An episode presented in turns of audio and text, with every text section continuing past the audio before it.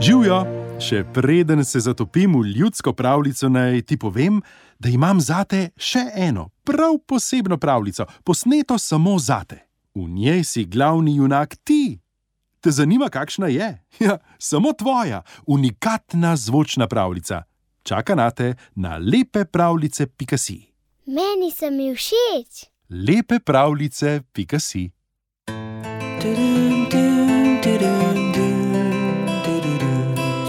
Zgodbe za otroke. Lepe zgodbe. Slovenske narodne pravljice. Bere nam jih Juri Sešek. Zlata ribica. Neka mačeha nažene svojega bedastega pastorka z rešetom po vode. Nerodnež, kakor ga je imenovala, gre k studencu, zajame vode, pa na mesto vode ostane v rešetu le ribica, ki se je zdaj, ko je voda iz rešeta odtekla, začela hudo premetavati. Že jo hoče na mesto vode odnesti mačehi, a kako ostrmi, ko ga ribica takole nagovori.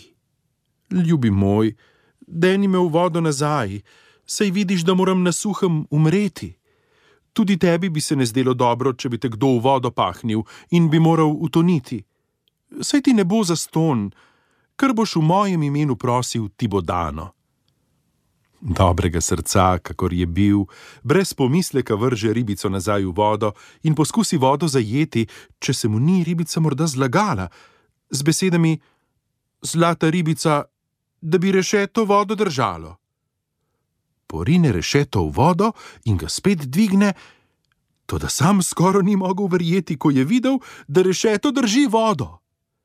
Ko pride domov, položi rešeto z vodo na klop in leže v znak na peč. Mačehi, mačehi pa se nikakor ni zdelo prav, ker je v rešetu vode prinesel, zato si je mislila, da mora biti čarovnik. Nažene ga v hosto, naj jih hitro bukov za drva poseka in jo privleče domov. Čeravno nevoljen, se ji vendar uda in se odpravi z doma. Ko pride v hosto, zažene se kiro na tla, si izbere bukov in reče: Zlata ribica, da bi bukov padla. In bukov že leži na tleh. On pa sede na njo, spet spregovori znane besede in bukov se začne gibati naravnost proti domu. Pot je vodila mimo gradu, v katerem je ravno mlada gospodična pri oknu stala. Čudno se ji zdi, da bukov sama nerodneža nese, namesto da bi jo on s konji vlekel domov. Zato čudeč se zaupije: Glej ga, nerodneža! Ha! Namesto da on bukov nese, pa bukov nese njega. Ti si zares čarovnik. To je bilo nerodnežu preveč. Mislil si je: Počakaj, ti bom že pokazal, ker praviš, da sem čarovnik.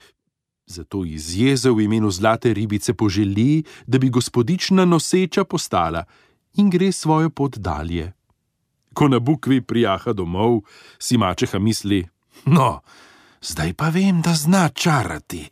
In ga z besedami: Poberi se mi čarovnik izpred oči, nič več te nočem trpeti doma. Spodi od hiše. Ker ni vedel, kam ne se obrne, se ponudi v greščini za pastirja in tam ostane. Gospodična pa je rodila prav zalega fantička, za katerega nihče ni vedel, kdo je njegov oče. Ko je bil fantič že tri leta star, je povabil graščak vse viteze tiste dežele na veselico. Bili so prav dobre volje, medtem pelje graščak svoje drage goste v prostrano dvorano, kjer je bil tri leta stari fantiček z zlatim jabolkom v rokah. Graščak je namreč rekel: Komor bo fantič jabolko podal, tisti je njegov oče. Toda fantič ni hotel dati jabolka nikomor iz rok.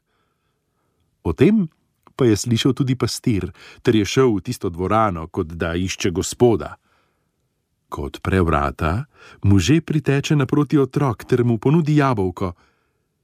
Graščak pa še vendar noče verjeti, da bi bila njegova hči s pastirjem imela otroka in pravi: Če boš ti prej, 25 litrov orehov preštev, kakor jaz pečeno kokoš razrezal, ti bom šele verjel, da je otrok tvoj.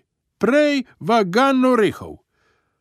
Pastir je bil s tem zadovoljen in si je dal prinesti orehe, gospod pa kokoš.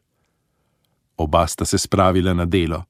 Pastir gospoda niti ne pogleda, kaj dela, temveč hitro premetava orehe ter vsakikrat reče: Zlata ribica in ta dva orešca. Graščak pa si je mislil, da bo tako prej gotov kot pastir in upira van oči in glej, pastir je orehe že preštel preden je gospod kokoš načel. To ga razjezi, nikakor še ne more verjeti, da bi bil pastir oče tega otroka. V jezi zapove naj hčer, pastirja in otroka denejo v sod in vse skupaj vržejo v vodo. Lepa gospodična je v sodu jokala, ker se je gotove smrti bala.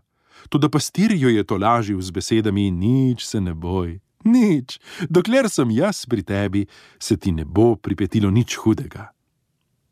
Ko se je pastirju zdelo, da je sod po vodi že dosti daleč priplaval, reče naj sod skoči na suho in se raztrešči. Že so na suhem in vidijo pred seboj lep grad. Vsi trije gredo naravnost van, ko pridejo v grad, jih z veselim glasom pozdravijo: Živijo naš gospod! In tu je prejšnji pastir, zdaj ostal in postal imeniten gospod.